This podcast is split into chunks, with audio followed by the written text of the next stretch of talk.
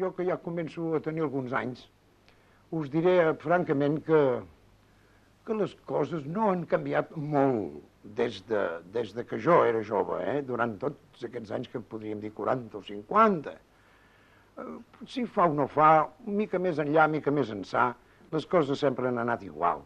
Sempre hem tingut esperances d'anar endavant, i, i, i sempre hem tingut petites desil·lusions de no poder-hi anar tant com volíem, de manera que és un, un petit moviment d'encoratjament de, de, i desencoratjament que, que per mi s'ha fet endèmic, s'ha fet crònic, oi?